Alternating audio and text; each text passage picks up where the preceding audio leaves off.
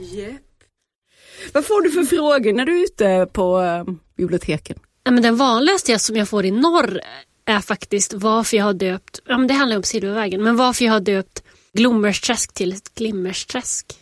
Eh, ja, men jag ville ha lite mer eh, kreativ frihet. Att man kanske får ha lite eh, hus som man vill som kanske inte står där i verkligheten. Och, ja, men vara lite mer fri. Men de kände sig berövade på litterärt kändisskap? Ja, lite den känslan jag fick att det var så här, men var, varför fick inte Glommers heta Glommersträsk? Så det har jag lärt mig läxa. Pocketpodden.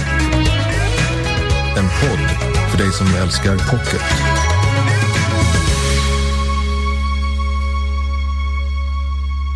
Idag blir det ett kärt återseende. För ganska precis ett år sedan gratulerade jag Stina Jackson till utmärkelsen Årets bok på Bokmässan. Och det var då för debuten Silvervägen. Men redan där och då hade hon tankarna i Ödesmark, som är den andra och nu aktuella romanen och den tar oss ännu djupare in i de norrländska skogar där så få valt att stanna kvar. Eller valt förresten, vilka val har vi egentligen i livet? Den frågan har hon funderat vidare på, Stina Jackson, och idag är hon min gäst. Och därpå pratar vi om den roman som blev Beate Grimsruds sista. Den heter Jag föreslår att vi vaknar. Och jag föreslår att vi börjar nu. Välkommen till Pocketpodden. Jag heter Lisa Tallroth.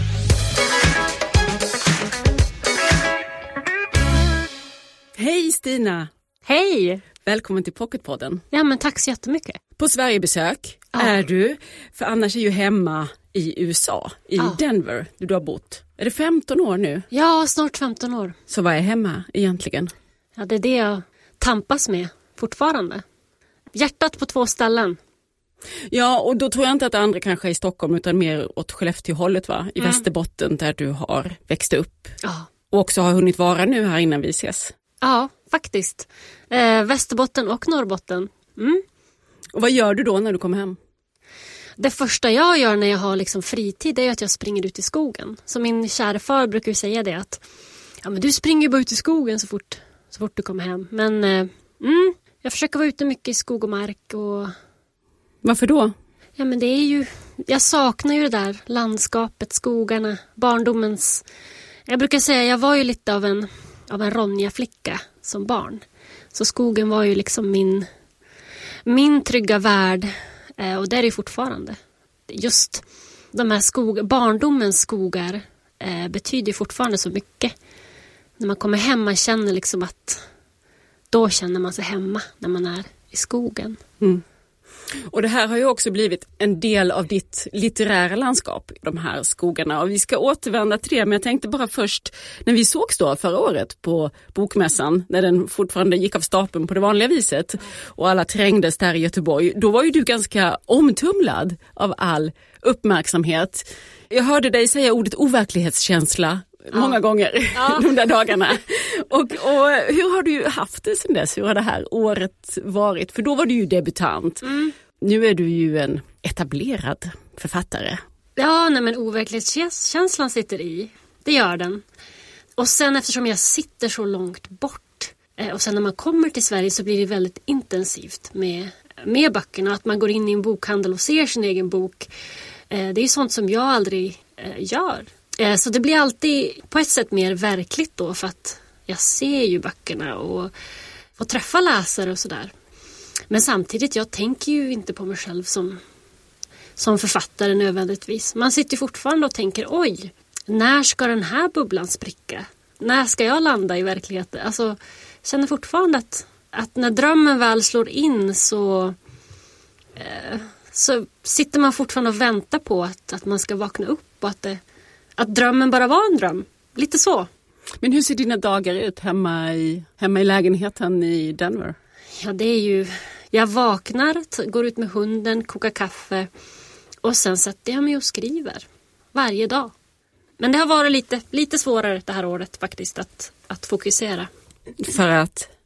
Ja, men för att det har varit så mycket. Just pandemin, oro för familjen, i USA har det varit väldigt oroligt. I vår stad var det också mycket demonstrationer.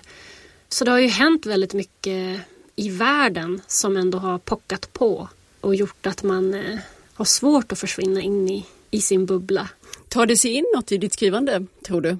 Ja, inte rent på, jag är ju ingen politisk författare så, men, eh, men oron och ångesten tar sig säkert uttryck på något sätt, det tror jag. Absolut. Det finns en hel del oro i ödesmark som du ju, jag vet, skrev du ju färdigt innan det här året som vi nu har bakom oss. Men eh, vi skulle väl kunna säga då, eh, eftersom många har lärt känna dig i Silvervägen, så hade ju den kanske mer drag av en klassisk thriller. Och, och de dramatisk upplösning och så här. Ödesmark kanske ligger lite närmare realismen, eller vad tycker du? Mm. Ja, men det kan nog stämma faktiskt. Alltså jag tänker ju inte så mycket på genre när jag skriver utan jag låter ju bara berättelsen landa där den, där den vill.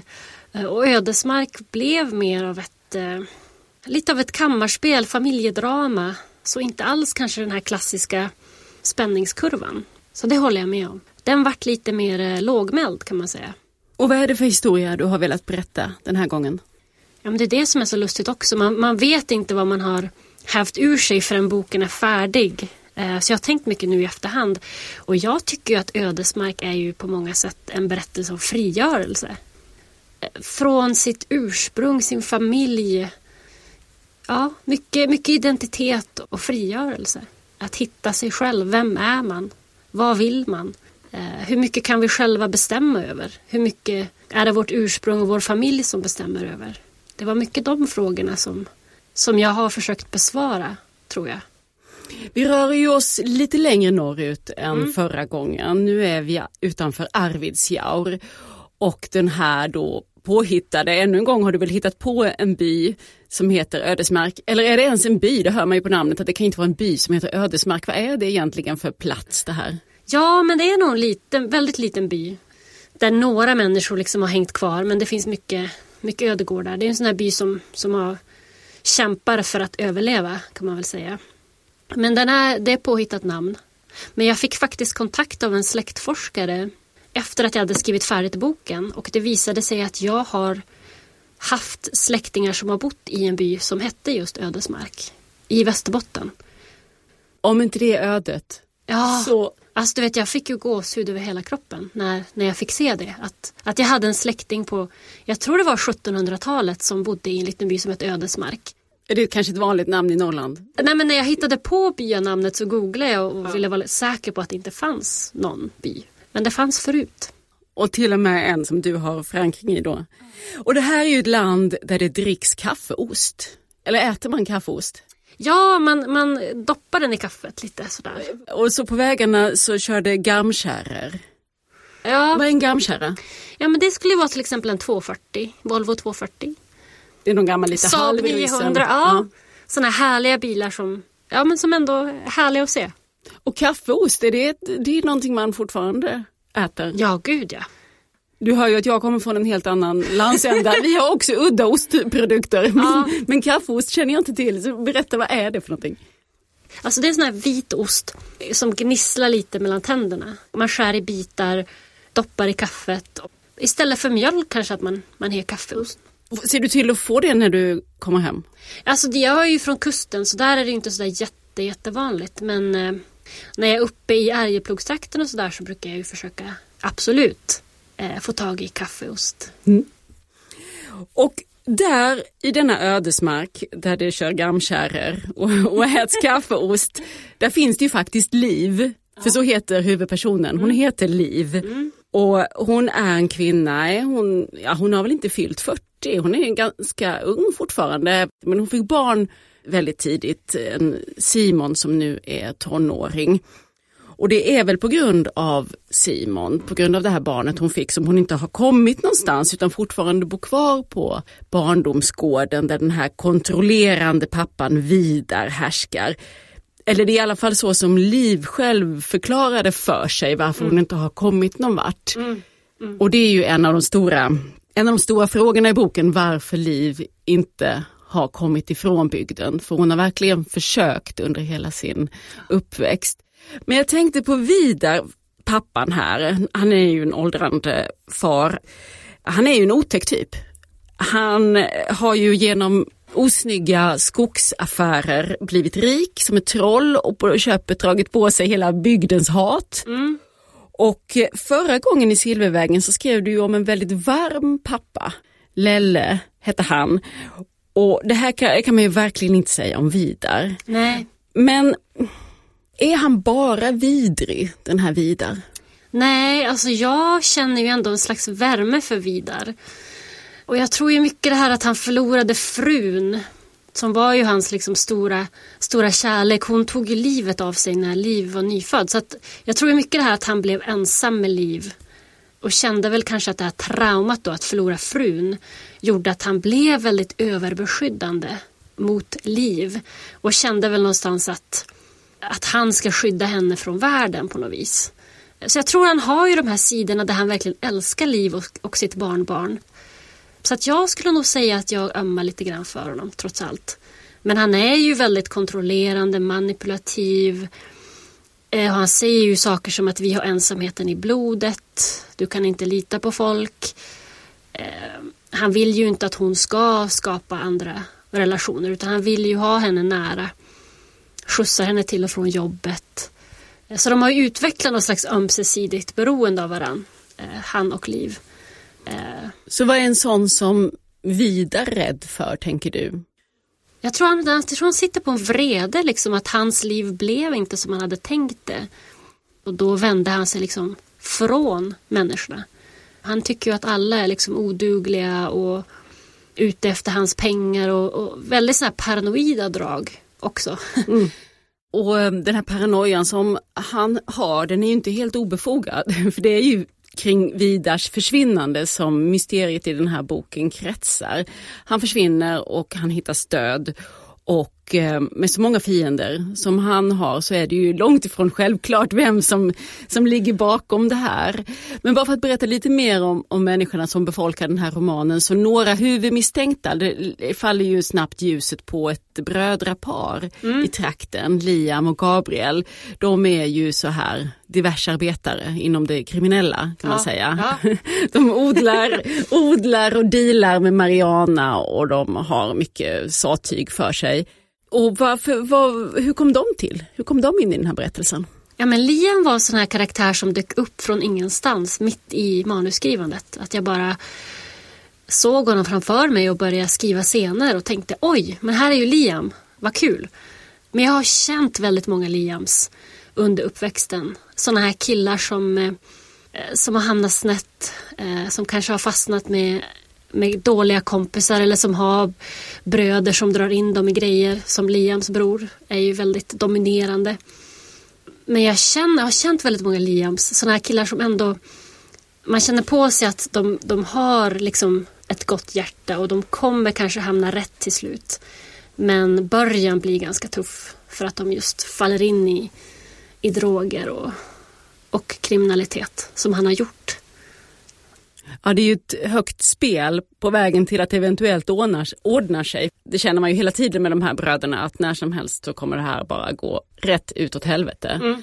Men Liam har ju en, ett ankare i livet och det är att han har en liten dotter.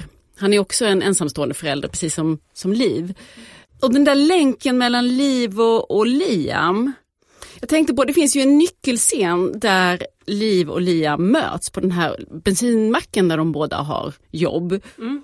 Och eh, då berättar Liam om sin dröm där för Liv om att han vill bygga ett hus till sin dotter. Ja. Och eh, då så är det en liten kort dialog där Liv svarar Liam att vet du vad som är viktigare än att ge henne ett hus? Nej, säger Liam, det är att hon en dag vågar lämna det. Mm. Ja, det är en sån här scen som jag har fått eh, läsare att skicka bild på just det utbytet. Och jag märkte medan jag skrev att, att Liv och Liam speglar varandra på många sätt. Just att de är ensamstående föräldrar. Båda drömmer om någonting annat. Båda sitter fast i sina familjer på något sätt. Eh, Liam med sin bror då och Liv med sin far.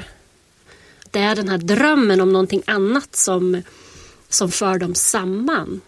För jag funderar lite på varför, varför det här har varit någonting som du har, har grubblat på så mycket. För jag tänker, du har ju, så, du har ju verkligen vågat göra någonting helt annat. Du har ju verkligen lämnat inte bara uppväxttrakten och barndomshuset utan landet och mm. skapat dig en ny tillvaro mm. en helt annanstans. Uh, så jag funderar på varför den där frågan, har, du har tyckt att den har varit så intressant det där, vem som vågar och vem som inte vågar. Mm. Ja men det är ju, jag insåg ju att liv är ju min motsats på väldigt många sätt. Alltså jag har ju haft, att flytta utomlands i så unga år är ju en total frigörelse på många sätt. Alltså jag blev ju som ett oskrivet blad när jag landade i, i USA som 22-åring. Eh, man har ju inga ögon på sig, man har ju inte några förväntningar, man har ju ingen familj som, som kan stötta, hjälpa, hålla koll. Utan man är ju liksom själv och måste skapa nya sammanhang och hitta vem man är i, i den här nya världen. Och det är ju en otrolig frihet då, men också en stor förlust. Så jag tyckte att det skulle vara spännande att skriva om någon som eh, har blivit kvar.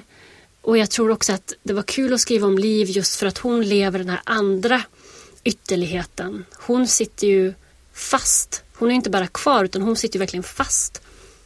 Liv drömmer ju om allt det där som du beskriver att du gjorde när du kom till USA. Att få uppfinna sig själv och inte hela tiden bära på, historien ja. och de, den här kontrollen framförallt som hennes pappa utövar. Jag tror att det är många som har att man har någon slags abstrakt idé om att det går, mm. att man skulle kunna börja om någonstans. Går det? Du som har provat? Nej men det är det som är så lustigt att ursprunget söker sig in överallt ändå. Alltså jag sitter ju i USA och skriver om mina hemtrakter och min, min barndomstrakter. Och jag tror det är jättesvårt att eh, när jag känner fortfarande att jag går omkring i USA med liksom en, en hemlig värld inuti mig. Så här, en västerbottnisk värld. Så att jag tror det är jättesvårt att, att helt bli ett så nytt blankt blad. Så även om Liv drar iväg så kommer hon ha kvar sin historia och, och sina trauman och sina sorger och, och sådär. Så att, nej, jag tror det är svårt. Du sa ju det när, du, när vi pratade om Silvervägen förra gången vi sågs att den var väldigt mycket skriven ur hemlängtan och att du skrev dig tillbaka till, mm. till Västerbotten. Och um, hur står det till med hemlängtan nu då? Ja men den är ju alltid där. Alltså jag kände nu när jag var hemma, när jag var uppe i Norrland och fick träffa läsare och sådär att det finns ju så mycket gemenskap och släktskap skulle jag nästan säga där uppe. Att man, folk frågar liksom, men vem är din mamma och pappa? Och så eh, är det ofta att man, man har någon bekantskap eller att man har till och med ett släktskap. Det är många som kommer fram och, och berättar att de är släkt med mig till exempel. På omvägar. Så att det, det finns en sån här slags familjekänsla som jag saknar väldigt mycket. Men som också är väldigt liksom fin att jag alltid har att norra Västerbotten finns alltid. Jag har alltid ett hemma att komma tillbaka till. Men det är ju verkligen inte någon romantisk bild Nej. av Västerbotten eller Norrbotten som vi befinner oss i här som du skildrar. Här är ju de här familjebanden och den här möjligheten att bli identifierad och att alla känner din historia, den blir mer klaustrofobisk. Mm. Man skulle ju kunna tänka att du satt på andra sidan Atlanten och eh, mindes det här eh, som du beskriver nu och att det också syntes i böckerna. För det är ju en ganska Ja, men det kan ju vara jättejobbigt. Eh, plats som du skildrar ju. Ja, och när man är ung och vill hitta sig själv så kan det vara lite kvävande att, att folk känner ja, men ens familj och att, att man, man blir ju mycket liksom sin historia. Men, men jag skriver ju med stråk av, eh, av noir. Alltså jag tycker ju om att vara där det skaver lite grann. Jag tycker ju att, att livet är ju ganska mycket svärta. Och, så att jag det blir ju mörka berättelser när jag skriver men det är ju inte för att platsen är mörk utan det är ju mer att, eh, att det är där jag hamnar. Det är de människoöden som, eh, som jag dras till på något sätt. Du är ju helt fri såklart att använda Västerbotten och Norrbotten och de här platserna som du dessutom har uppfunnit själv hur du vill. Men jag funderar på om det, om det spelar någon roll för dig vill du, vill du försöka förmedla någonting som har en bäring på det, det verkliga Norrbotten eller Västerbotten? Nej, men jag, jag är ju ingen politisk författare så, utan jag tycker ju mer att ja, men i Silvervägen, en fars sorg och nu i Ödesmarken, en dotters frigörelse. Det är ju egentligen så universella mänskliga berättelser som skulle kunna utspela sig var som helst. Så det är mer att, att jag vill vara på de här platserna för att jag längtar dit än att berättelserna egentligen har med platsen att göra på det sättet. Det finns ju ändå en utsatthet som, som, människorna, som du förmedlar att de här människorna känner. Det är svårt att hitta jobb, det är svårt att, hitta, det är svårt att få ihop livet. Alltså de här praktiska mm. glesbygdsproblemen mm. finns ju i dina karaktärers liv. Absolut, alltså det är ju mycket ödegårdar. Det finns ju en känsla av att, eh, att det är svårt att stanna kvar och hålla liv i de här bygderna. Eh, och, och, så är det ju. Det är ju väldigt, när man kör omkring där uppe så det finns ju mycket vemod. Man, man kör förbi de här otroligt vackra gårdarna som, som står öde. Eh, och man funderar över de här, ibland, jag har ju smugit in, jag stannar och smyger in och går omkring i de här husen ibland. Och man ser de här skärvorna av liv som har det, ofta känns det som att de liksom försvann över en natt. Alltså det ligger kvar dagstidningar, det finns böcker, det finns foton ibland. Eh, så det finns ju ett otroligt vemod i, i det och att man att det är så många som flyttar och att det är så svårt att, att kunna bo kvar på glesbygden i, i många fall. Att, att jobben finns vid kusten och i städerna och sådär. Så att eh, det, sånt smyger sig ju in. Att, eh, att det är en unik plats på det sättet och att, man, att överlevnaden kanske inte känns lika självklar som när man bor i städer. Eh, absolut. Hur, jag vet ju att du reser runt hemma och du springer ut i skogen som du sa för research. Eh, men hur fungerar det att skriva när du är i, i den här miljön som du skildrar? Ja, men det är någonting med distansen som är en tacksam ingrediens. Alltså just det här att man, man måste liksom aktivera alla sinnen för att ta sig tillbaka. Eh, så längtan och distans är ändå gör väldigt mycket för skrivandet. Alltså jag sitter och tänker, hur luktar den här platsen? Hur känns den? Eh, så att jag tror det är därför det blir väldigt sinnligt ibland och att jag verkligen vill vara i den här miljön och framkalla den här miljön. Eh, men det händer såklart att jag ringer till, till mamma och andra och, och frågar liksom. Eh, har första snön fallit? Och, eh, ja, men att man liksom, man vill inte förlita sig för mycket på minnen heller. Eh, utan man vill ju också bekräfta att, att det verkligen är så mm. fortfarande. Jag tänkte på att förra gången så vi pratade om det, att du valde som huvudperson en medelålders man. Eh, och även här nu har du berättat att i Ödesmark var det egentligen en huvudperson som du tänker är din egen motsats i mycket liv. Mm. Har du funderat någonting på att försöka skriva något som ligger närmre dig själv? En ung kvinna som vågar lämna Ja, men det, är, ju, alltså det roliga är att jag väljer ju som inte mina karaktärer utan de kommer ju. Lelle kom ju till mig så, så tydligt. Eh, och Liv var ju en sån här som jag fick kämpa med. Men jag hade väldigt roligt med Liv just för att hon är så motsträvig och knepig och full av hemligheter. Eh, hon var ju så... Det låter lite flummigt men jag låter liksom karaktärerna styra berättelsen och de för ju mig genom berättelsen. Och det är det jag tycker är så kul att lära känna de här människorna. Mina påhittade människor. Så att sitta och skriva om någon som, som är mig själv skulle nog tråka ut mig ganska mycket, tror jag. Så, jag, jag är tveksam. Jag tycker det är så kul att grotta ner mig i något annat, någon annan. Umgås du något med tanken på att flytta hem? Ja, men gud ja. Jag sitter ju och kollar på Hemnet jättemycket nu och letar liksom. Jag skulle vilja hitta en, en skrivstuga uppe i ja, men Arvidsjaurtrakten, Arjeplogtrakten. Det verkar ju finnas gott om övergivna stugor. Ja, men det finns också väldigt, väldigt fint. Ja, ska man ha vid vatten så, så kan det bli ganska knepigt för det är ganska populärt. Men eh, vad är det som, är det, din man är ju amerikan, är det, är det han som gör att du inte flyttar hem? Att du får inte med dig honom eller vad är? Ja, han skulle gärna bo här tror jag, men det är ju det praktiska då att han har ett jobb det här att, att få ihop vardagen och att han inte kan svenska och sådär. Så men, nej, men det tror jag att jag vill ju också att han ska få den här erfarenheten av att bo i ett annat land. Eh, så de tankarna finns absolut. Den första boken, Silvervägen, har ju kommit ut på engelska mm. och fler språk ändå. Hur har det varit att äntligen kan din man läsa romanen? Ja, nej men det har varit väldigt eh, han fick ju manuset och det var ju sån här helg som jag gick på nålar och han ja, men han, han började faktiskt gråta när han läste första sidan. För han hade ju inte sett den här delen av mig. Eh, och vad jag hade liksom inuti mig. Så det var ju sån här, oj! Han vart jätte... Eh, nej men det har varit jätteroligt och att min liksom amerikanska ingifta familj har ju fått läsa böckerna och, och sådär. Så att, nej men det har varit jättekul. Och lite ångestfyllt.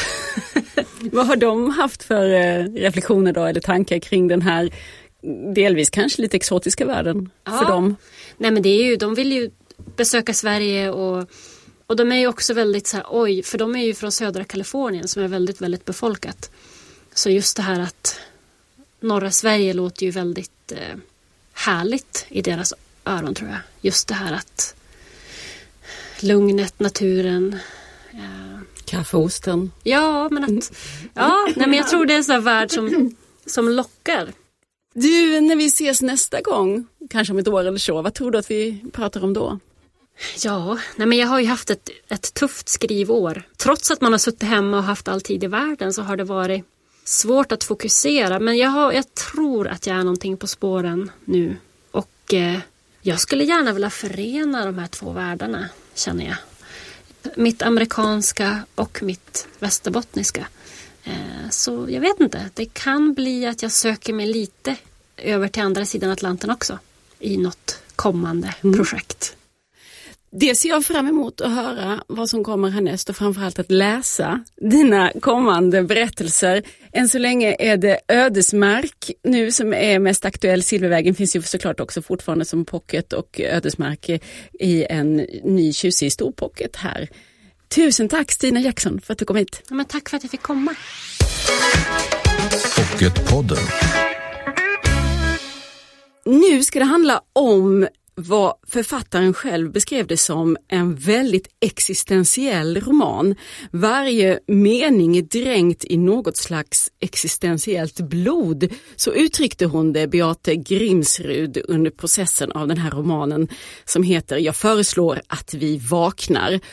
Och det blev ju faktiskt också Beate Grimsruds sista roman eftersom hon avled i somras, bara 57 år gammal. Och Beate var född i Norge men bosatt i Sverige sedan 80-talet och hon skrev ju både på svenska och norska. Och Lotta Aquilonius, hej, hej. hej och välkommen till Pocketpodden. Du var ju Beate Grimsruds förläggare och är förläggare för den här boken. Jag föreslår att vi vaknar i titeln. En typisk Beate Grimsrud-titel sa du att det är. På vilket sätt då? Nej men hon var ju så himla klurig, eller är så himla klurig vad det gäller liksom språk och formuleringar och sådär. Eh, hennes eh, debutroman heter till exempel Det finns gränser för vad jag inte förstår. Det är en sån där titel som man liksom måste fundera några varv kring. Så. Eller eh, Har någon sett mig någon annanstans?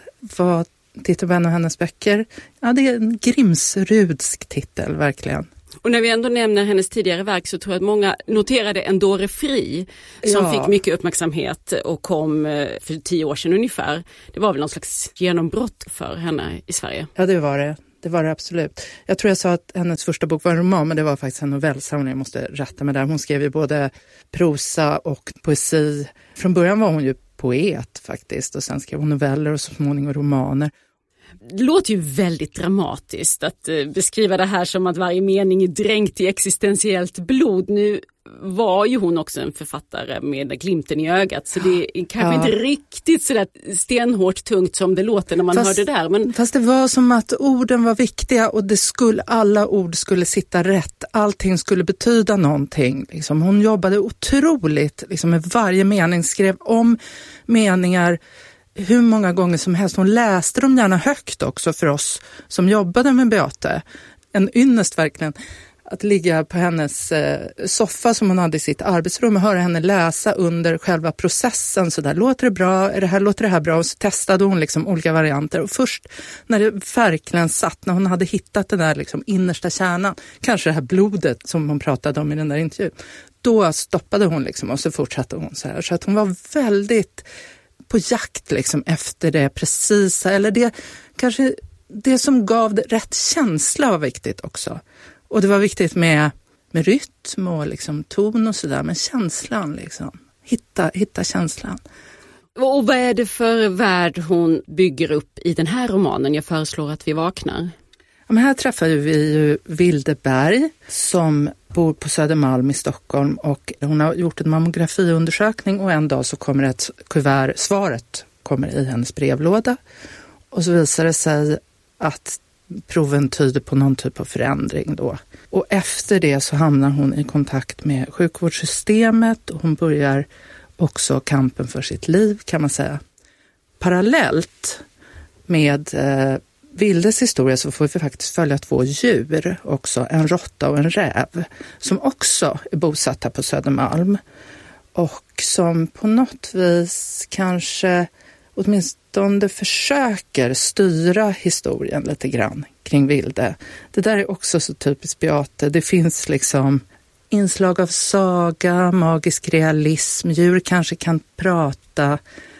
Ja, men lite vad som helst kan faktiskt hända i den här världen som hon bygger upp. Och de är också någon slags komisk kontrast till det här allvarliga som händer Vilde i boken. En råtta och en räv och det är också de man ser på omslaget. Just det. Skulle du säga att det ändå är en hoppingivande roman som Grimsrud har skrivit här eller vad är det för grundackord i den? Alltså den har ju ett djupt allvar och ett mörker i själva ämnet. Men samtidigt har Beate alltid liksom ett humorn i bakfickan när hon skriver. Det var någon som sa att när man läser Beate Grimsrud så kan man både liksom skratta och gråta samtidigt. Det är den känslan den här boken framkallar. Och det är inte dåligt av en roman Nej. att åstadkomma det. Nej. Beate Grimsruds roman är det alltså vi pratar om. Jag föreslår att vi vaknar. Tusen tack Lotta Aquilonius förläggare. Tack för att jag fick komma. Nästa vecka kommer David Erleman hit till Pocketpodden. Han har skrivit romanen Lite död runt ögonen. En pappa-dotter-skildring där det lilla barnet verkligen får ta stor plats. Tills dess, följ oss gärna i sociala medier. Där heter vi Älska Pocket och jag heter Lisa Tallroth. Hej då! Du har lyssnat på Pocketpodden. En podd från Bonnierförlagen.